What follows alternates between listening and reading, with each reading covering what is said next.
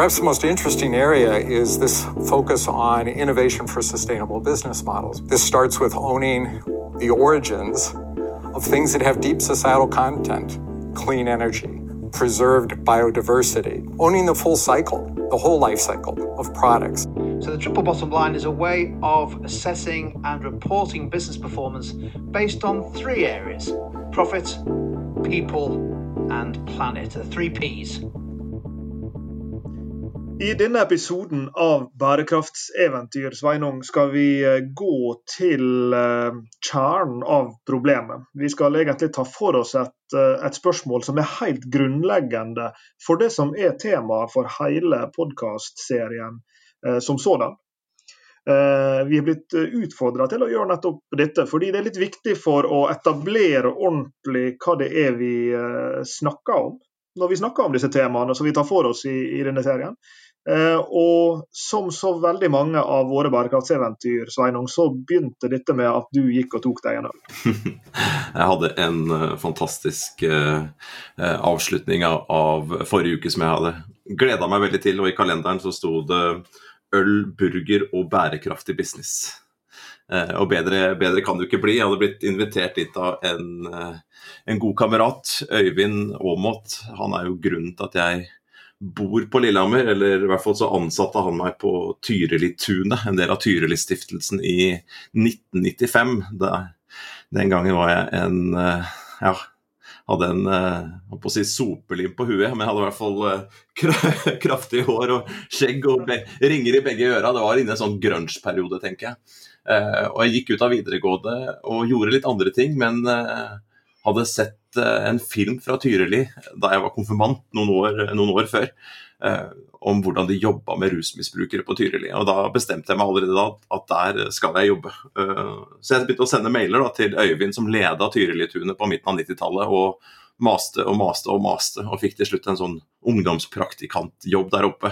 Et kollektiv med ja, 20 elever, som det het den tida der, altså narkomane i, i, behandling. Og så fikk jeg lov til å flytte inn der og, og bo der, for dette var jo et uh, kollektiv hvor man jobba ja, enten fire uker og hadde én uke fri, eller åtte uker hadde to uker fri. Og Der bodde, bodde de som jobba der, med familiene sine. Så dette var jo en, en, en, noe som var starta på tidlig 1980-tallet. Øyvind var med og starta det, bl.a. sammen med kona si Debbie og mange mange andre flinke sosiale entreprenører. Øyvind gikk videre også, så utover mot 2000-tallet. Etter at jeg hadde studert på NHH, så kom jeg tilbake til Lillehammer og begynte å jobbe på høyskolen her. Eh, men jeg ble også engasjert da med Øyvind og rundt noe som heter Tyrili klatring, som, som, i dag er et uh, fantastisk klatresenter hvor pasienter, som de nå kalles, i rehabilitering driver et, uh, vil jeg si, et fantastisk klatresenter her på, på, på, Lillehammer. Det er vel 16 stykker da i heltid som, som drifter et stort klatresenter. Eh, og i den tiden der hvor Øyvind eh, begynte å engasjere seg og, og, og trakk da produksjonen av dette her fra Tyrili Oslo til Tyrili Lillehammer, så produserte vi også vegger. Så hvis det er noen som har klatra f.eks. I, i Bergenshallen eller oppe i, i, i Sogndal, er det vel, litt rundt forbi så er det vegger som ble bygd eh, ja, på 1990-tallet, tidlig 2000-tallet av, av, elever på Tyrili. Så her snakker vi en sosial entreprenør, eh, Øyvind. Og Øyvind er i dag engasjert i bl.a. Eh, kommunepolitikken her på Lillehammer. Og, og, de driver nå med en næringsplan eh, for Eh, bærekraftig business. Eh, og skal se på da sammenhengen mellom å på en måte skape et konkurransefortrinn eh, for bedrifter her oppe, samtidig som det er bærekraftig. Og I den forbindelse så, så hadde Øyvind lytta på, på, noen av podkastene våre, og så sa han til meg, ærlig som han er, at jeg må innrømme at i begynnelsen så tenkte jeg her, sa, her, her brukte de jaggu mange ord om veldig lite. Og så hadde den jo etter hvert Kanskje en ny tagline for, eh, for podkastserien, faktisk. Men så skjønte han etter hvert at fader, her, her, dette er jo relevant på, på mange nivåer. Eh, og også da opp imot å forstå Lillehammer da, eh, som, et, som, en case her. Eh, og, og, hvordan man måtte legge til rette. da, Hvordan kan kommunen legge til rette for at det blir mer bærekraftig business eh, her oppe. Eh, hvordan kan det bidra til eh, kall det grønn vekst i, i, regionen? Og så, så, begynte han å stille spørsmålet, men, men, men Lars Jakob og Sveinung, hva er egentlig bærekraft. Og hva er egentlig bærekraftig business? Og Vi tenker jo at vi forklarer det hele tida, men han, satte liksom fingeren på det og utfordra oss til å, til å, ta en ekstra runde på liksom, gå litt inn i dette bærekraftsbegrepet. For liksom, er det alt som er bra? Er er noe, skal vi stille noe krav til disse bedriftene? Handler det egentlig mest om innovasjon, eller handler det om å rydde opp etter seg sjøl? Handler det om å finne muligheter der ute som man som man kan løse, altså problemer man kan løse for andre. Så han, han utfordra meg. En fantastisk prat, eh, selvfølgelig, når man eh, har øl, burger og bærekraftig business på, på, agendaen. Det kan ikke bli bedre enn det. Jeg ble rent ut misunnelig for, for ikke å ha vært med her jeg satt på, på den andre sida av, av, fjellet. Men det kan, jo, det kan, jo, passe da, å bare kort peke tilbake igjen til to tidligere episoder hvor vi har tatt for oss noe av denne tematikken. Men i dag skal vi om du vil grave deg et, eh, et hakk lenger ned eller gå et, eh, et, hakk lenger inn i løken, eller en eller annen metafor som måtte passe. Eh, for vi har hatt to tidligere episoder, henholdsvis den som heter 'Vesentlig forvirring', som handler om prioritering av bærekraftsforhold, som tok for seg noe av det her. Og så hadde vi jo denne episoden hvor vi hadde Tina Saltvedt som gjest, hvor vi tok for oss EU sin taksonomi Eh, for bærekraftig finans, som, som, også tok for seg dette spørsmålet om ja, hva er dette ESG for noe? Hva er det slags fotavtrykk vi snakker om, hvordan skal vi tenke om dem? Men i dag skal vi altså forsøke å, å gå enda mer inn til, til kjernen av, uh, av, hva det er vi trekker sammen når vi tar disse to eh, to B-ene, bærekraftig business. På den ene sida dette som handler om forretningsmodeller som er jo den eh, kall innovasjonsdelen av det som, som Øyvind da peker på. Eh, men i mye større grad i dag da skal vi se, se på hva er dette bærekraftstemaet for noe, når, når, det knyttes an til forretningsmodeller. Og Det er jo det vi driver med Sveinung, på, på fulltid, både dag og natt, jeg og du. Og vi skal Jeg husker vi, vi jeg tror det må ha vært kanskje første gangen vi holdt et foredrag sammen. Jeg så kikka vi ned i ei usynlig kiste oppe ei scene der vi sto, og så sa vi at hvis bærekraftige forretningsmodeller var en skattkiste, så ville det vært ganske slunkt slunkent oppi der. altså, Der er vel få forretningsmodeller, sa vi den gangen, og, og det kan vi vel kanskje fortsatt si. At det er få forretningsmodeller som er reelt bærekraftige, hvis vi definerer det i sin aller strikteste form. Altså hvis vi tenker i en sånn brundtlandsk forstand, hvor uh, produksjonen og forbruket vårt i dag ikke skal gå på bekostning av fremtidige generasjoner sin uh, mulighet til å få dekka sine egne behov, som jo er definisjonen uh, på bærekraft. Og, og, nå vet vi at her er, her er relativt sett Eh, romsligere og relativt sett striktere definisjoner på hva vi vil karakterisere som en bærekraftig forretningsmodell. Og Vi pleier å, å si til studentene våre når vi starter kurset Sustainable Business Models hvert eneste semester på NHH, at egentlig burde kurset hete parentes more, parentes slutt, Sustainable Business Models. Altså med andre ord forretningsmodeller som er litt mer bærekraftige enn de vi hadde før. Fordi at slik jeg og du jobber med bærekraftig business, så er jo det en bevegelse mot et eller annet. Eh, og kanskje kan vi aldri nå helt dit til idealet, de virkelig bærekraftige forretningsmodellene, men det er jo dit vi skal. Og, det er jo de bevegelsene der jeg og du jobber med og jeg og du er, opptatt av. Og når vi begynte å jobbe med dette så, som uh, gode bedriftsøkonomer, så tok vi jo utgangspunkt i et veldig eh, økonomisk, altså et, økonomisk kjernebegrep, nemlig eksternaliteter. Og Det er jo kanskje et sted å begynne å nøste i dette spørsmålet.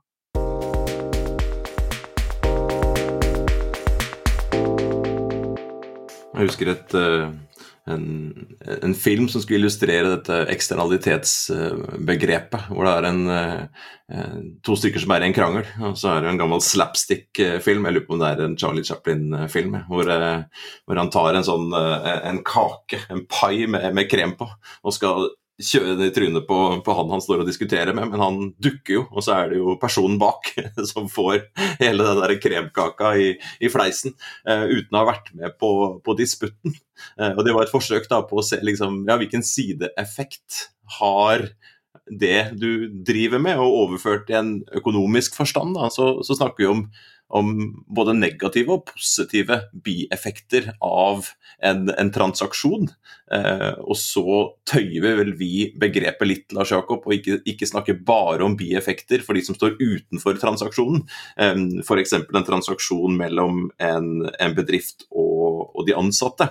Eh, så, så, er det jo en direkte transaksjon der, men denne, der, der, vil du ha direkte og indirekte effekter. Men vi ser jo også på de direkte effektene, f.eks. Av, av, av dårlig lønn. Da. Og, og Hvis en går tilbake og, og, og kikker litt da på på, på, bærekraftsbegrepet sånn som det har utviklet seg. Du nevnte Gro Harlem Brundtland og, og, og, den gjengen der og definisjonen. ikke sant? Og uh, dekke dagens behov uh, og framtidens behov. Altså begge deler. Og så er jo første spørsmålet dekker vi virkelig dagens behov, og, og klarer vi å, å gjøre det på en måte som ikke går utover framtidens mulighet til å, å, dekke dette behovet. Og Den rapporten kom i 1987, eh, litt, Jacob, den kom i 1987, og rundt 2000 så kom utviklingsmålene. Eh, som var primært retta mot eh, de fattige landene, men så skjønte man at her er det ikke nok kraft. Vi, vi når ikke disse målene uten i-land, og vi når dem ikke uten bedrifter. Ergo så fikk vi da disse bærekraftsmålene i 2015, som skisserer da et stort eh, mål, si, ikke, ikke, et målapparat, men en målskive med både sosiale, miljømessige og økonomiske eh, mål som, som, skal nås. Og, og, til spørsmålet der vi begynte nå med, med Øyvind, for, for de skulle da lokalt her bruke disse bærekraftsmålene. Um, fattigdomsbekjempelse og alle disse sosiale eh, dimensjonene. Og så har du da de miljømessige dimensjonene og de økonomiske dimensjonene, hvor man ikke bare ser på bedriftens økonomi eller kommunens økonomi, men da alles økonomi rundt her. Og det er da man begynte å stille spørsmål liksom, er alle disse så relevante for en bedrift her oppe, f.eks. det å bekjempe fattigdom. Eh, og litt sånn kontekstavhengig da, med, med Øyvind, da, som kommer fra rusmiddelomsorgen, har jobba der i, i, 40 år pluss, ikke sant. Um, og, sitte tett på de fattigste i i, i, Norge, de som absolutt ikke får dekket eh, dagens eh, behov. Som faller utenfor arbeidslivet, som er inn og ut av fengselet, som prostituerer seg. Altså, men dette her er jo de som virkelig, virkelig kjenner på nedsidene her, og, og, og, som da ikke får dekket disse behovene. Og når man da sitter og ser på eh, en bedrift her da, eh, i, i, regionen som, som skisserer hva er det som er bærekraftig for oss, eh, er da fattigdomsbekjempelse relevant, eller er det lik utdanning for alle, eller er det disse miljømessige dimensjonene, er det de økonomiske dimensjonene? Og Det var liksom grunnlaget han begynte å, å stille spørsmål ja, for hva er egentlig bærekraftig da? Og da er vi tilbake der hvor du starta, Lars Jakob, på eksternaliteter. ikke sant? Disse bieffektene, både positive og negative. Og Vi skal jo da inn i disse tre, den her triple bunnlinja som, som, du er inne på her, det miljømessige, samfunnsmessige og, miljø, og økonomiske. Eh, jeg vil bare eh, knytte en bitte liten kommentar til an til begrepet eksternaliteter, som du var inne på. fordi som, som, du sier, så handler jo det om En tenker ofte på disse bivirkningene av økonomisk virksomhet for de som ikke er en del av transaksjonen, som du sa. Men så kan du si, akkurat som du var inne på, at, at en person som som røyker da, uten å være fullt ut uh, informert, kanskje, eller kanskje er han det, kanskje ikke, om, om konsekvensene av det. Eller dette klassiske Nestlé-caset som var så mye diskutert på 70- eller 80-tallet, hvor de markedsførte sånn, uh, morsmelkerstatning til til uh, mødre i Afrika som mange av dem verken kunne lese instruksjonene på boksen eller hadde tilgang til, uh, til kjølemuligheter for dette produktet, så kunne de da egentlig bruke produktet trygt. Altså, så, så, Ofte vil det være hensiktsmessig å snakke om, om, også disse direkte effektene, som du sa. Men så er det en egenskap til ved denne eksternalitetsdefinisjonen som jeg syns er, er viktig å ta med seg. og det er at En sier om eksternaliteter at noe av problemet med det er at de, det, det er snakk om påvirkninger på, på parter eh, som, og at denne påvirkninga ikke er reflektert i prisene. Altså med andre ord at det er, Dette er jo noe som, som, det ofte blir sagt, at det er for billig å forurense. Det, du blir ikke straffa tilstrekkelig for å nær sagt ha, ha dårlige HMS-vilkår langt, langt oppe i en verdikjede i, i eh, produksjons... Uh, forhold i la oss si Sørøst-Asia, hvor, hvor, standardene er helt andre enn en, en i Vesten f.eks. Eh, og, og, akkurat den greia der er jo, er jo, viktig med hensyn til løsningene. for Det er jo derfor du ofte ser at løsningene som foreslås, er da ja, la oss få en CO2-avgift som gjør det dyrere å, å slippe ut CO2. Ja, la, la, oss få EUs taksonomi for uh, bærekraftig finans, da, som gjør det mer krevende å skaffe kapital hvis den blir implementert på en ordentlig måte. Det er jo da et forsøk på det som en kaller å tvinge bedriftene til å internalisere eksternalitetene. Altså at de må på en måte spise opp igjen problemene sine og fikse dem sjøl. Altså det gir dem insentiv til å fikse dem sjøl. Så noe av det som bærekraftig business handler om, er jo da å forsøke å finne, enten ved hjelp av gulrot, altså markedet gir deg noen muligheter, eller ved hjelp av pisk eh, institusjonene straffer deg for å ikke klare å skape harmoni mellom økonomiske målsettinger, miljømessige målsettinger og samfunnsmessige målsettinger. Jeg har et spørsmål til deg, Lars Jakob. for Vi satt vel her forrige episode og diskuterte med Runa Corey om, eh, om Stern, en rapport det var 2006 ja. hun refererte til uh, noe, noe, som skjedde der. og jeg, tror det var første gangen vi også så da bruken av dette begrepet. Jeg vil at du skal gjenta det. Altså dette med å internalisere eksternaliteter. Det høres jo ut som en sånn eh, tungegymnastikk, eller, eh, eller eh, hva er det Øyvind kalte det? Her, her ble det jaggu brukt mye ord om veldig lite. det men altså Dette med å internalisere eksternaliteter. kan ikke du ta, bare utdype det litt? Anne jo, altså det, det, som det handler om, er jo da å forsøke å altså for, Nettopp fordi som vi var inne på, at, at prisene eh, ikke fanger opp de reelle samfunnsmessige og miljømessige kostnadene. Altså prisene på et produkt. Eh, direktøren i Puma, jeg lurer på om du kan ha nevnt han i en tidligere episode han eh, nevnte jo nettopp det. Han, han, hadde gjort et regnestykke, eller sine folk hadde gjort et regnestykke på hvordan ville Puma sitt regnskap sett ut hvis de måtte betale for miljøbelastninger som de, som de hadde i hele verdikjeden. og Da var det vel noe sånt som 75% av, av profitten deres som ville vært spist opp. Eh, og Det betyr at ja, da, fikk de gratis i hermetegn disse muligheten til å påføre oss andre eksternaliteter. Og hans Poeng er da at vi burde ha vært tvunget til å betale for det. Vi burde ha vært tvunget til å internalisere disse eksternalitetene. Eh, betale for løsninger som kan redusere vannproblemet. Betale for løsninger som gjør at vi ikke slipper ut så mye CO2, ikke slipper ut så mye kjemikalier i vannet, eller hva det nå enn er Puma gjør som påvirker eh, da spesifikt de miljømessige forholdene som vi er inne på her. Så, så det er jo et forsøk da på å, å nær sagt eh, rette opp igjen i det som du kan Som økonom vil du tenke på det som en slags prisingsfeil. altså at du, du, du, må ikke betale for de reelle kostnadene knytta til, eh, til din, eh, din, produksjon og din økonomiske virksomhet. Og Derfor er jo en eh, vanlig måte å, å, prøve å løse dette på, og som, som sånne miljøøkonomer blant oss, som vi er mange fryktelig flinke miljøøkonomer på NHH f.eks., så er jo deres løsning ofte da å, å legge på en avgift eller en skatt på det som er F.eks. da eh, en, en, miljøforurensning, enten det er CO2-utslipp eller, eller, andre ting. fordi at du, Da blir bedriftene tvunget til å prise det inn i sin kalkyle, og da, må de, eh, eller da får de plutselig insentiv til å f.eks. investere i løsninger som gjør at ja, vi kan produsere dette med mindre CO2-utslipp. Vi kan gå over fra ikke-fornybar til fornybar energiform i produksjonen vår. Vi kan eh, Eh, ha høyere gjenbruk av, av eh, tidligere produkter og dermed slippe å bruke jomfruelige uh, innsatsfaktorer osv. Det er altså et forsøk på å insentivere ja, grønn innovasjon, egentlig. Øyvind han utfordret oss på noe annet. han, Lars Jakob, Vi har jo hatt en, en, tidligere episode hvor vi snakket om bærekraftig business i små og mellomstore bedrifter og kommuner. Eh, og så sa han at dere snakket jo ikke så veldig mye egentlig om offentlig sektor.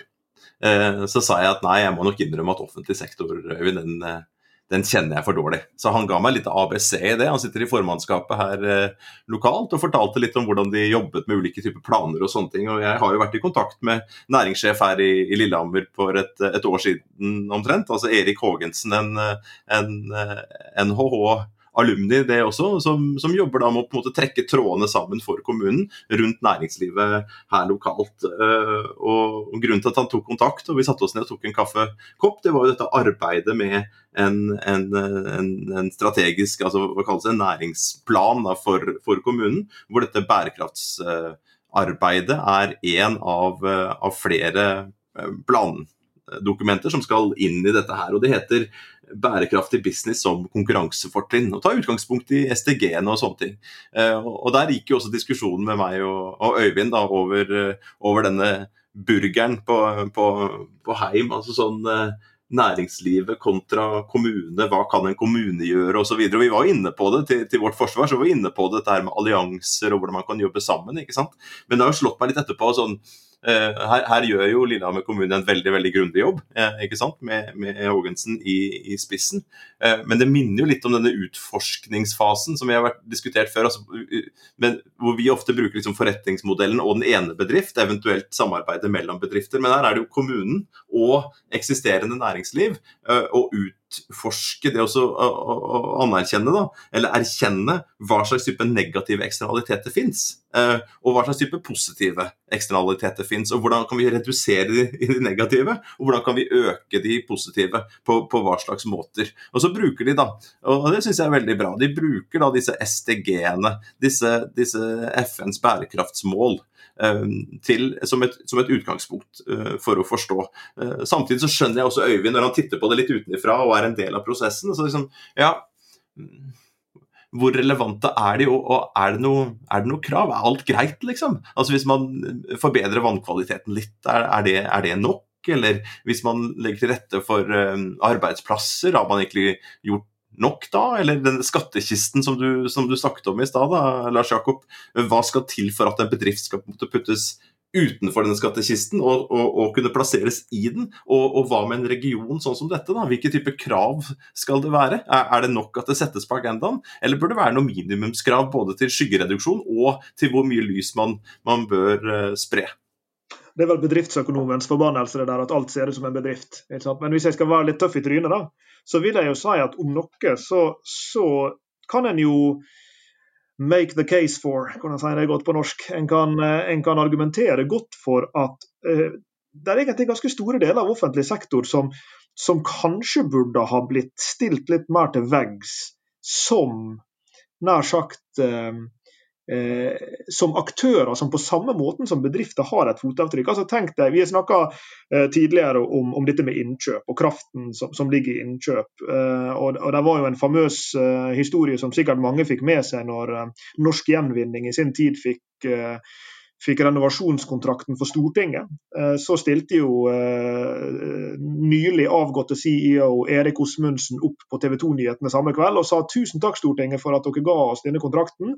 Eh, nå bør dere kanskje gå i dere sjøl og spørre dere hvorfor vi fikk den kun på pris og ikke på miljømessige nær sagt indikatorer i det hele tatt i denne anbudsprosessen. Så, så dette var jo et, et spark selvfølgelig da, til offentlig sektor sin, sin, innkjøpspraksis, som i veldig veldig stor grad er drevet av pris, og i veldig liten grad av andre indikatorer. Selv om det er veldig mye snakk om offentlig innkjøp som en mulig eh, motor for grønn omstilling. Idar Kreutzer i Finans Norge er jo en av de som vi kanskje snakker aller mest om, og vært aller sterkest talsmann for nettopp å gjøre det, slik som en gjør i noen lommer. ikke sant? En har gjort det litt på, på grønne farger og sånne type ting. Der er noen sånne flaggskip-case, men i det store og hele, tenk hvor mye eh, offentlig sektor kjøper inn for i løpet av et år. Men ikke bare det.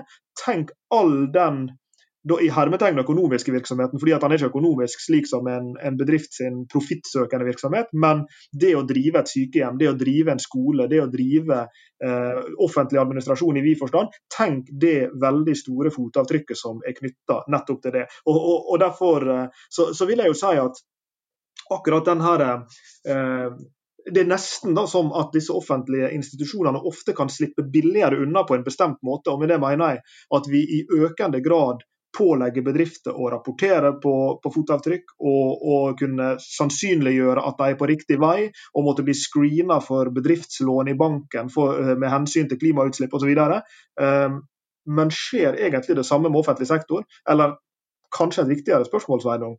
Burde kanskje de samme forventningene legges på offentlig sektor? Så det var bare en liten siderefleksjon der. Men eh, det høres jo ut da, Lars Jakob, som du gir egentlig mest det offentlige på pukkelen for det miljømessige. Men hva med det samfunnsmessige og det økonomiske? Hvor det økonomiske her betyr å fordele eh, økonomi. altså At det ikke bare gjelder den ene, men, men flere. Tenk på de oppgavene en kommune har. da knytta til helse, eh, og da over i eldreomsorg, over i, i, i skole og, og, sånne ting. De bør kanskje bedrifter stilles like mye til ansvar da, for å ta den sosiale dimensjonen på alvor. Eh, og også ta den økonomien som ikke bare gjelder bedriften, men, men, men flere. Eh, og tilbake til, til, til Øyvind her, altså sitt utgangspunkt med de brillene fra den absolutt svakeste parten i vårt samfunn. Da.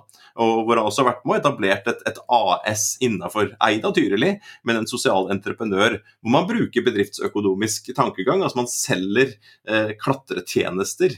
Eh, alt fra barnekurs til ungdom til, eh, til sånn halvprofesjonelle, eh, ikke sant? pluss eh, hele hobby De som driver med, med, klatring generelt og drifter dette her, og har en inntekt eh, på det. Og, og, og bruker jo sånn sett bedriftsøkonomisk logikk ikke sant? For, å, for å hjelpe folk ut av et, et, et rus, rusproblem. Da. Men, men, men, her, dette her, den sosiale og økonomiske dimensjonen, der vil jeg jo nesten påstå at når det gjelder fordeling da, økonomisk, og ta vare på folk sosialt, så er i hvert fall det offentlige eh, sterkere eh, på det å, å, sørge for at dagens behov blir dekka også, også, hos de som står eh, svakest stilt. Da. Absolutt, og her er jo du inne på noe av det som kanskje er helt i kjernen av denne samtalen, og noe av det som gjør Øyvind sitt spørsmål så veldig godt. Fordi eh, et spørsmål som en ikke kommer utenom i en verden med, der vi skal ta tre såkalte prestasjonsdimensjoner, performance dimensions. Altså med andre ord det økonomiske fotavtrykket, det samfunnsmessige fotavtrykket og det miljømessige fotavtrykket. Altså vil der i, i noen tilfeller, vil vil si, i veldig mange tilfeller, vil det jo da være en type trade-off.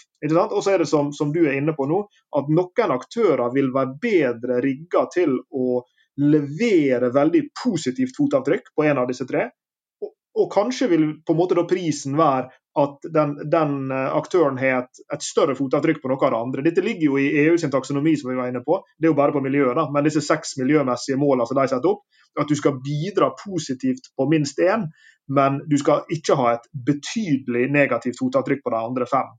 Der forsøker de å balansere den den uh, trade-off-logikken litt. At det er ikke sånn at bare fordi at du er veldig flink på sirkulærøkonomi, så kan du slippe ut så mye CO2 du vil, f.eks. Du, du vil måtte kunne skåre på flere av disse, men som du er inne på, så vil vi jo ha større tålmodighet med en aktør som skårer veldig bra langs en av dimensjonene. Eh, og så vil de måtte jobbe mer med det andre. Så jeg, jeg, den føler jeg helt. Og, og, hvis vi da tenker på, på um, et type um, Røde Kors, da, eller Leger uten grenser, som har enormt positiv oppside på kall det sosiale, samfunnsmessige, menneskelige eh, utfall da, eh, knytta til sin virksomhet, så, så, vil det føles veldig smått å klage på at ja, alle disse legene som blir flydd rundt i verden eh, og slipper ut CO2 mens de flyr og, og tar buss og, og, båt og hva de nå enn gjør. Fordi det er klart at den den transporten av f.eks. medisinsk personell til de stedene hvor medisinsk personell trengs, det er selvfølgelig en, en, både forståelig og nødvendig del av virksomheten. Så vil du alltid kunne si ja, vil en kunne optimalisere reisevirksomheten, slik at en slipper Altså at en eh, reduserer utslippet, vil en kunne organisere seg smartere, sånn at en klarer å ta ned disse fotavtrykkene. Men du vil alltid tenke at det er underordna til å hjelpe folk i nød der de er, når de trenger det. Så, så, så, Derfor er jeg veldig sans for den logikken din med at ulike typer aktører vil ha en ulik sånn, sammensetning av prestasjoner da, langs disse tre økonomiske, samfunnsmessige og miljømessige eh, dimensjonene. Og det vil vi nok alltid måtte leve, leve med.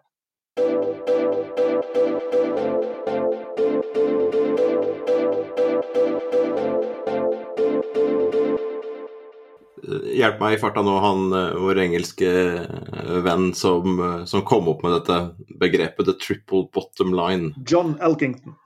John Elkington, ja. Husker du i farta også det konsulentselskapet han driver nå? Ja, det heter Volans. Du, altså. Du, den hukommelsen der skulle jeg kunne kjøpt for mye penger, hadde jeg hatt så mye penger. Tusen takk. John, da han, han, har jo gått tilbake fra dette begrepet. Altså jeg, jeg, her har jeg bare lest overskrifter altså i, i, det siste. Uh, men dette økonomiske, når vi snakker om bærekraft da, og eksternaliteter, positive og negative uh, For der er det en sånn Kanskje litt sånn misforståelse på at Det er mange som sier at jo, det må være lønnsomt for å være bærekraftig. Og det, det, det skjønner jeg, for går ikke bedriften bra og, og gir et overskudd, Um, og før den kan gi et overskudd, ja, så er den nødt til å dekke alle kontrakt, kontraktfesta krav. ikke sant? De, de, ansatte må få lønna si, kundene må få produktene, staten må få, få skatten sin osv. osv. Og da er det noe igjen. Så hvis den ikke er økonomisk lønnsom, så klarer den heller ikke å bli, være bærekraftig. Og det, det, jeg kjøper, kjøper, den delen. Men er det ikke en liksom misforståelse at den profittdelen er en del av bærekraft? For, for, for, i disse tre, da, miljø, sosialt og økonomi, så er jo den økonomidimensjonen i bærekraftig utvikling, helt tilbake til eh, Brundtland og, og, og, og videre, det er jo knytta til vår felles økonomi. Har du noen tanker rundt det, Lars Jakob? Uh, ja, nei, Jeg er nok ikke helt, uh, helt, enig. Jeg er enig i at i det totale triple bottom line-begrepet så ligger både bedriftens økonomi og kall det vår felles økonomi. Men hvis du går tilbake igjen til John sin definisjon Eh, som, det var jo i 1994 han, han, kom med dette begrepet the triple bottom line, den tredelte bunnlinja. Og people, planet, profit, som da er jo disse tre P-ene som en snakker om. Um, og, og, dette utdyper han jo i en bok som jeg lurer på om kom i 1997, som heter 'Cannibals with, with Forks', altså kannibaler med gaffel. Og, og, det er jo meint da som et sånn uh, retorisk spørsmål. Er, det framgang hvis, en, uh, hvis, vi får kannibalen til å spise med gaffel? Og med det viser selvfølgelig John da til disse ofte inkrementelle forbedringene i, i bærekraftig vid forstand, eh, som, som, på en måte fortsatt er eh, nær sagt klasebombefabrikken som begynner å bruke Eh, eller slutta å bruke engangsplast på kantina. Da, for å si det på den måten. Da, har du kanskje ikke tatt tak i kjernen av fotavtrykket. Og Da er vi tilbake på denne episoden vår som vi kalte 'vesentlig forvirring' tidlig i, denne serien, som handler om hva er de viktigste bærekraftsavtrykkene til, til en bedrift. Men, men, hvis du ser på, på John sin opprinnelige beskrivelse av hva disse tre Uh, bottom lines er da people, planet og profit, uh, så, så, beskriver han den profit som den økonomiske bunnlinja til til bedriftene når en har tatt hensyn til alle relevante eh, kostnader. Og så sier han da at det en er opptatt av her, det er den økonomiske påvirkninga som bedriften dermed har på økonomien som sådan. Altså med andre ord en sunn samfunnsøkonomi, en, en sunn økonomi i det store, består jo av en, en sunn mikroøkonomi. Altså at bedrifter som klarer seg selv, som, som, er lønnsomme, som lø, faktisk løser kundene sine problem uten å skape for store andre problem osv. Men så sier John da at i, i grense, grenseflata mellom to av disse P-ene, profit og people, så, så, utdyper jo han people som the social equity bottom line. Altså på en måte Kall det sosial rettferdighet. da. Slik at i, i, i den sosiale dimensjonen, people-dimensjonen av den tredelte bunnlinja, så jo, der er sånne ting som menneskerettigheter, og der er sånne ting som å unngå eh, nær sagt eh, barnearbeid og, og nær sagt eh, redusere korrupsjonsrisiko og sånne type ting. Men det ligger i det her også en, en kall det fordelingsdimensjon. Da. Og det vil si at For å ordentlig kunne ta inn det som jeg, jeg lurer på om du brukte frasen 'vår felles økonomi' eh, i sted, og som er jo litt i tråd med denne bruntlandske tankegangen som John Elkington var inspirert av når han utvikla dette, eh, dette, begrepet så, og, og, dette rammeverket, om du vil. Uh, så er det jo nettopp i på en måte overlappen Det blir ofte tegna som tre sirkler, dette her, people, planet, profit, som overlapper hverandre. og Det er jo da i overlappen mellom profit og people i sammenhengen da mellom økonomien til bedriftene og hvordan den interagerer med et samfunn hvor det er noen fordelingsdimensjoner som er helt essensielle. Det, det, er der han ser for seg at dette ligger. Og SDG-ene er jo egentlig utvikla videre fra en sånn type logikk. fordi at hvis vi ser eh, på, på SDG-ene sine eh, det, altså økonomiske og samfunnsmessige mål, så har jo du sånne rene kall det samfunnsøkonomiske målsettinger, sånn som eh, SDG 8, Decent Work and Economic, uh, economic Growth. Eh, eh, nummer ni likeså Industry Innovation and, and, Infrastructure. Men så er det jo noen som er mer eh, sosiale av karakter, men som likevel handler om en slags form for økonomisk rettferdighet, sånn som eksempelvis No Poverty, eh, SDG nummer én, og SDG 10, ikke minst Reduced Inequalities. Sånn at det, det er akkurat som at, at det er litt vanskelig å plassere den økonomiske her bare i én boks, fordi at det nettopp er i, i samvirke mellom profit og people. Ehm, Så, så, det ble et, et, langt svar på, på spørsmålet. Ja, jeg, jeg, jeg, skjønner veldig godt uh, Lars Jakob, jeg, og jeg er nødt til å gå litt tilbake til kilden. Jeg, jeg ser her at han skrev en artikkel i Harvard Business Review uh, om at for 25 år siden så, så, etablerte han begrepet the triple bottom line. Og, og, og her er grunnene til hvorfor vi bør gå bort ifra det. Uh, og skumma, skumma, lett her mens jeg hørte på deg, og, og han utfordrer jo kapitalismen. Han mener at den har blitt blitt for rå, eh, og at man ikke eh, tar hensyn til disse målene det nå trakk opp. Eh, at man har blitt da for, for si, bedriftsøkonomisk introvert.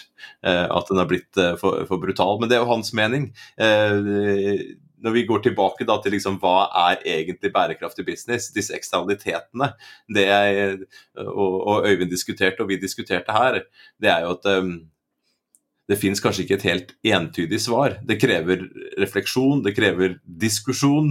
Ulike politiske partier f.eks. vil ha ulike syn på, på, hva det er, hva som er viktig, hvilke verdier man bør legge til grunn. Eh, men fra vårt perspektiv, da, denne erkjennelsesfasen, det å forstå enten bedriften eller en, en klynge eller en, en, en, region, det å, å, å prøve å tallfeste og i det minste sette ord på hva slags type negative sidevirkninger som er der, og hva slags positive som er der. Det også ha, da, eh, i, dette tilfellet hvor, hvor, denne kommunen ønsker å, å, å bruke bærekraft som et, et konkurransefortrinn for framtiden. Ja, hva slags type drivere hva er det vi ser? Hva slags type regulatoriske endringer kommer? Eh, hva tenker kundene, hva tenker de ansatte? Eh, hva vil politikken framover tilsi. Eh, Lillehammer som, som, som sports, vintersportsregion. Eh, snø. Hvor mange dager vil det være snø? Nå er det absolutt snørikt og, og, og kaldt. Men, og jeg, jeg, kjenner ikke statistikken godt nok, men det er nok noen endringer. Litt færre, færre dager, litt våtere og sånne ting. Så, og, så, så, man må jo ta hensyn da til disse driverne, både de økonomiske, sosiale og miljømessige. Eh, man må ta hensyn til andre interessenter og, og hva de vil forvente i framtida. Og så skal man da være med å utvikle et, et uh, godt og, og, levedyktig næringsliv i samspill da, med de andre, andre, interessentene lokalt her. Så, og, og, i det arbeidet, da, uh, akkurat her lokalt, så, så, er de veldig veldig godt i gang. Og de er absolutt godt i gang også med å på en måte prøve å, å røyke ut hvor, hvor de står her nå. Og så er det jo dette arbeidet videre, hvilken vei bør man gå, og, og, skal man gå. Og som sagt, jeg tror det å, å, å være åpne for refleksjon, kritisk eh, diskusjon her som i andre områder av samfunnet, det tror jeg er, et, et, er, er, viktig. Og jeg tror det er greit å på en måte kunne slå fast at det, at det er ikke entydig. Eh, verken på bedriftsnivå eller på et regionalt, nasjonalt eller globalt nivå, hva dette her innebærer. At det, at det, at det er at det krever hard jobbing. Absolutt. Og, og, jeg brukte jo denne skattkista som bilde i stad. Altså at skattkista, nesten uansett hvordan du definerer det, skattkista av bærekraftige forretningsmodeller, den er ganske slunken. Men hvor slunken den er, det er jo en funksjon av hvor strengt du definerer hva en, en bærekraftig forretningsmodell eller en, en grønn forretningsmodell, eller kall hva du vil, eh, hvor strengt du definerer det. Og mot slutten så skal vi snakke litt om, om, eh, om, strengere, mer radikale definisjoner. Men jeg har lyst til å trekke opp allerede nå eh, at vi har en god kollega på Korvinus universitet i, i Budapest, eh, hvor jeg hadde gleden av å tilbringe litt tid på min, min egen eh, doktorgrad. Han heter professor Laslo Solnai. Og, og han, vel, eh, i, han, befinner seg vel i den mer radikale enden av, eh, av, av feltet, altså, men, men, da radikal klart innenfor det, det altså innenfor en, en vidt definert mainstream, da, men jeg prøver å trekke opp et lerret her fra, fra de som kanskje litt mer som oss, altså er, på en måte uh, på leiting etter skalerbare, store industri industrielle forretningsmodeller som kan bli grønnere. altså det, dette uh, som, som ofte blir kalt for, for, upgrading, altså det å ta mainstream industrielle forretningsmodeller og gjøre dem grønnere gjennom skalerbare innovasjoner. Uh, mens Laslo er nok mer en sånn type small is beautiful-type uh, bærekraftsmann, som, som leter etter de mer radikale grønne forretningsmodellene som kan oppskaleres. Altså det som uh, Stefan Schaltegger, som er dette, dette, ordparet her, upgrading og upscaling. Altså det å oppgradere de, de store industrielle modellene kontra å ta de små hypergrønne forretningsmodellene og forsøke å, å, la dem bre om seg i verden. Og jeg husker når Vi hadde et, et EU-prosjekt sammen med bl.a. Laslo Eh, og Corvinus og, og, våre gode venner i, Barcelona og København også, så hadde vi en til dels brennende dialog over bordet Sveinung, jeg og du og Laslo, på hvor skal vi trekke opp linjene for, for hva som vi skal kunne karakterisere som bærekraftig business. Eh, og Da ville han naturlig gå mot en, en mer tilstramma definisjon, mens, mens vi var, var, litt mer eh, jeg skal ikke si liberale, men, men vi hadde en, en, en bredere eh, ramme da, om du vil, for disse industrielle modellene som kanskje kan gjøres grønnere.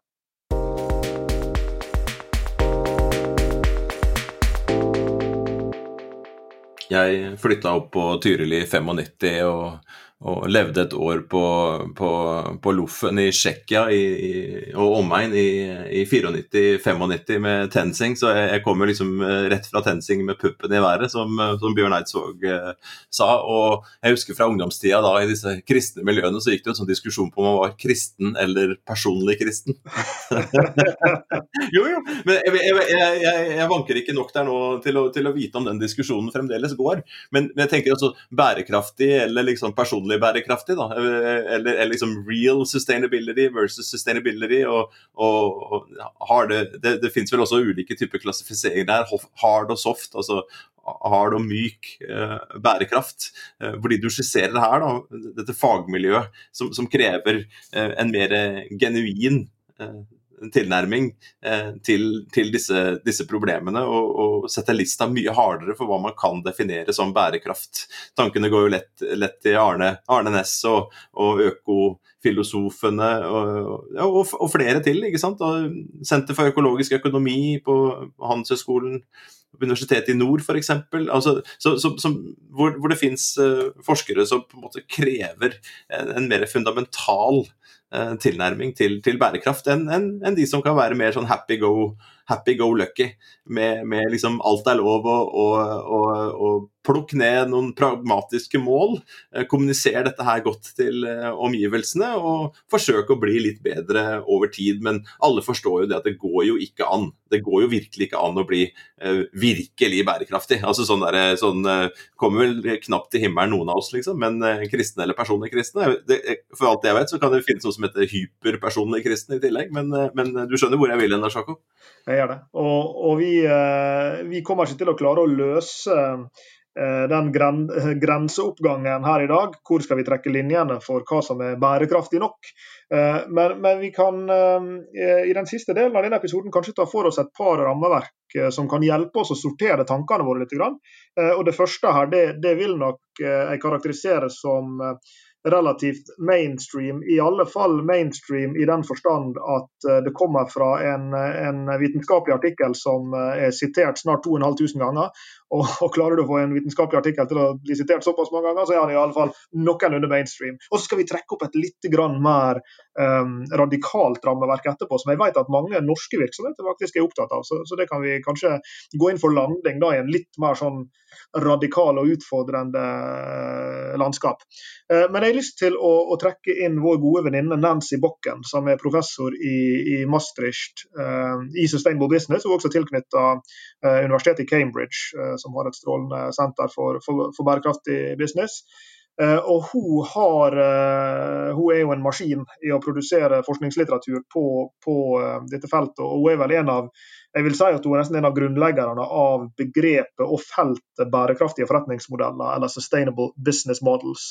Og Den aller mest siterte artikkelen på det feltet, det er den artikkelen som Nancy sammen med Eh, tre kollegaer publiserte i 2014, og den heter A Literature and Practice Review to Develop Sustainable Business Model Archetypes. Arketyper.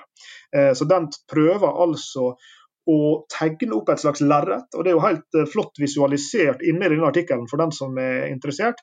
Et sånn type lerret som er delt inn på følgende måte. Hun sier at her er grovt sett tre hovedkategorier av Uh, sustainable business models, eller bærekraftige forretningsmodeller. Og Da er vi tilbake på det du var inne på i stad, med disse krevende eh, trade-offene eller dilemmaene mellom det sosiale, det miljømessige og det økonomiske. Og Hun opererer med, med tre kategorier da, eh, som, som, hun siden den gangen har revidert. Nå klarer ikke jeg huske i farten hva de er nå, men her opererer hun da med den teknologiske kategorien. Altså bærekraftige forretningsmodeller som er primært teknologiske, den sosiale kategorien, altså de som har en sosial innovasjonskomponent, og den organisatoriske dimensjonen, altså de som dreier seg om eh, organisering. Men jeg tror du husker bedre enn meg, Sveinung, så du klarer kanskje Jeg skal avbryte deg kort, så kan du fortsette forklaringen, Lars Jakob. For hun har jo da byttet ut med ESG i den rekkefølgen. Så det teknologiske er da environmental, eller miljømessig. Den sosiale står som sosial, og den hun da kalte organizational, den er da økonomi. Slik var det. Og, og, det organisatoriske her, det er jo nettopp sånne governance-messige spørsmål. Hvordan, hvordan, organisere, hvordan rigge, hvordan uh, styre uh, disse typene forretningsmodeller i en, i en grønnere retning og en mer samfunnsmessig retning. Og nå avbryter jeg deg igjen. Og Hvis du ser da nærmere på disse organizational eller økonomiske, så handler de faktisk om å dele med fellesskapet. Not for profit f.eks. Hybridmodeller hvor du både er profittmaksimerende og, og, jobber sosialt f.eks. Eh, ulike typer varianter eh, for økonomisk fordeling. Så environmental, social and governance. Eh, og til og med B-Corp, Benefit Corporations, som er jo en ny selskapsform som også ligger inn under denne, som hun pleide å kalle organizational, men som hun altså nå kaller governance. Og så Under disse tre kategoriene da, så opererer hun med åtte såkalte archetypes, eller arketyper. Og her er jo det fristende å si at, at, dette rammeverket må vi komme tilbake igjen til i en eller annen form, for her er jo det, du kunne jo laga en, en hel podkastserie bare rundt denne modellen. Men der opererer hun da med, med, tre stykker i denne teknologiske, eller da, det som hun nå kaller for den miljømessige kategorien. Der den ene handler, handler om, eh, om material- og energieffektive modeller. Den andre handler om såkalte value from waste-modeller, altså sirkulære modeller hvor du bruker overskuddsressurser som innsatsfaktorer. Og den tredje handler om forretningsmodeller hvor en forsøker å gå i en, en fornybar retning og i i sånne, uh, imitere naturlige prosesser, f.eks. såkalt biomimicry, eller altså, uh, biologisk imitasjon eller mimikk, som det jo er mange spennende forretningsmodeller på også nå. I det sosiale der er jo det ikke minst mye fokus på sånne tilgangsbaserte eller tjenestebaserte modeller, product as a service-modeller. Så er jo noe som hun kaller for stewardship-modeller. Og så ikke minst, og her vil eh, Laslo nede i Corvinus i Budapest juble, hun og en hel kategori eller en hel arketype som handler om 'encouraging sufficiency'. Det som ofte blir kalt for frugal innovation, altså forretningsmodeller som er basert på å få folk til å klare seg med mindre. Kan du klare deg med en enklere mobiltelefon, kan du klare deg med en enklere bil, osv. Og, og, og der er jo det mye spennende innovasjon. Og så er det da disse to kategoriene. Repurposing for society, som du var inne på. Dette med, med å fordele, forretningsmodeller som fordeler kaka mellom bedriften og, og, andre stakeholders. Og skalerbare sånne sosiale entreprenørskapstype modeller. Og jeg vil jo bare oppfordre alle sammen til å søke opp denne modellen. Bare søk 'Sustainable Business Model Archetypes', så vil du få opp denne canvasen. Og, og den dekker jo bare så fenomenalt mange fasetter ved det som du vil tenke på som bærekraftig business. Tilbake til Øyvind sitt gode spørsmål. Da. Og Her er jo alt fra som jeg sa, biomimicry, sånne forretningsmodeller som f.eks. For CO2 Bio har ute på Mongstad her i nærheten av, av, Bergen, hvor de bruker alger til å i hermetegn spise CO2 og, og lage fiskefôr av det. Da, altså, du, hele forretningsmodellen er basert på å etterligne naturen sine egne prosesser for å produsere et produkt. Så er fair trade-modeller inni her. Her er Benefit Corporation-modeller. Her er bottom of the pyramid-forretningsmodeller, altså som er basert på enklere versjoner av produkter eller tjenester til segment som har veldig veldig lav betalingsvilje, men som er veldig store. Her er crowdsourcing-modeller. Her er product as a service eller product service system-modeller. Eh, dette er jo bare en eh, ja, skattkiste, Sveinung. Et svømmebasseng som du får lyst til å svømme rundt i lenge. Men grunnen til at jeg trekker fram dette kanvaset her, eller dette lerretet her, det er nettopp at det forsøker å si noe om ja, hva er spennet i typene forretningsmodeller som vi, om vi ikke er villige engang til å kalle dem bærekraftige forretningsmodeller, så i alle fall mer bærekraftige forretningsmodeller enn de som vi har basert oss på så langt i verdenshistorien. Tusen takk, Lars Jakob. Dette her var en eh, bra, bra redegjørelse. Og som du sier, her er det altså, Hver av disse underkategoriene er jo en episode i seg selv. Her er det litt sånn uh, Hva er det vi kalte det før? Bullshit, uh, bullshit bingo på, på ett vis. Men, men, det, men, det, er likevel det er veldig viktig. altså Det som, som går inn i sirkulærøkonomien. Der har vi tidligere hatt en episode på det å slanke, bremse og lukke. Litt sånn sirkulærøkonomi for dummies. Men, men begynner å grave seg ned i å forstå hva dette her egentlig er, hvilke konsekvenser det har for ulike virksomheter på ulike steder av verdikjeden, og også det kommunale, som skal på en måte legge til rette for mye av dette her, og det nasjonale. Så, så dette her gir jo en sånn det her er jo en sånn, på en måte en oppskriftsbok da, i ulike muligheter. og Man beveger seg fra en type erkjennelsesfase over i å utforske hvilke muligheter er det som ligger der. da. Hvilke muligheter er det som ligger der i framtiden, eh, som må utvikles og testes eh, videre. Og her, eh, her, er det mange godbiter som bedrifter kan, kan ta tak i i, i, i praksis. Men du, du, lovte også å avslutte med et litt sånn strengere, strengere blikk. Eh, jeg vet egentlig ikke helt hva du sikter til, så jeg vil bare oppfordre deg til å, til å ta den nå, før vi, før vi legger på røra nær sagt for i dag. Ja, vi skal, bare, vi, vi skal bare lande der, rett og slett, som en liten sånn uh, Ja, igjen et forsøk på kanskje å trekke lerretet uh, ja, om du vil si at det å trekke det ut for å gjøre det større, eller om det egentlig er å snevre det inn for å gjøre det strengere. For det, Dette handler jo om en strengere definisjon av hva du vil tenke på som bærekraftige forretningsmodeller. Og tilfeldighetene ville jo det slik at Den første gangen vi traff Nancy Bokken, som jeg fortalte om i, i stad, det var jo på en forretningsmodellkonferanse i, i Berlin, på fantastiske ESCP Business School. Uh, og, En annen type som, som gikk rundt der og, og, og tusla og diskuterte bærekraft, det var en, en canadier som heter Anthony Upward. og jeg vet at det er noen bedrifter her i Norge som, som har jobba sammen med han, eh, faktisk. Uh, den første som nevnte Anthony for, for oss, det var jo Silja Holm Sindal, som nå er leder denne stiftelsen til, til Equity i, i Stockholm. Eh, for hun hadde kommet i kontakt med, med Anthony og hans LinkedIn-gruppe, som har mer enn 2000 medlemmer. og Den gruppa heter The Strongly Sustainable Business Model Group. Altså med andre ord, Her snakker ikke vi bare om eh, bærekraftige forretningsmodeller, her snakker vi om strongly sustainable. Svært bærekraftige. Eh, så han altså, Det ligger jo allerede i ordet at her snakker vi om en striktere definisjon av hva som skal til for å bli kategorisert i, i, i den enden av kroken.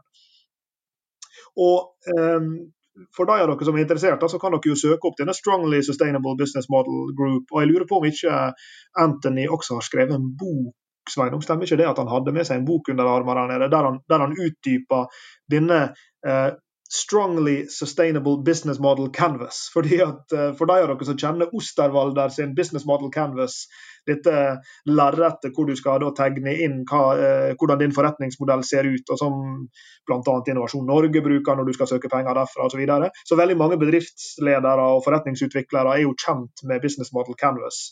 Eh, I appendikset til Osterwalder sin bok der, der berører han jo dette spørsmålet. Burde kanskje bærekraft komme inn her? Og Da har han en sånn litt uforpliktende stripe nederst i modellen sin, der han sier at ja, her er på en måte kall det inntekter og kostnader fra et bærekraftsperspektiv. Altså for, fordelaktige forhold fra et bærekraftsperspektiv, og, og kall det bærekraftskostnader eller bærekraftsavtrykk.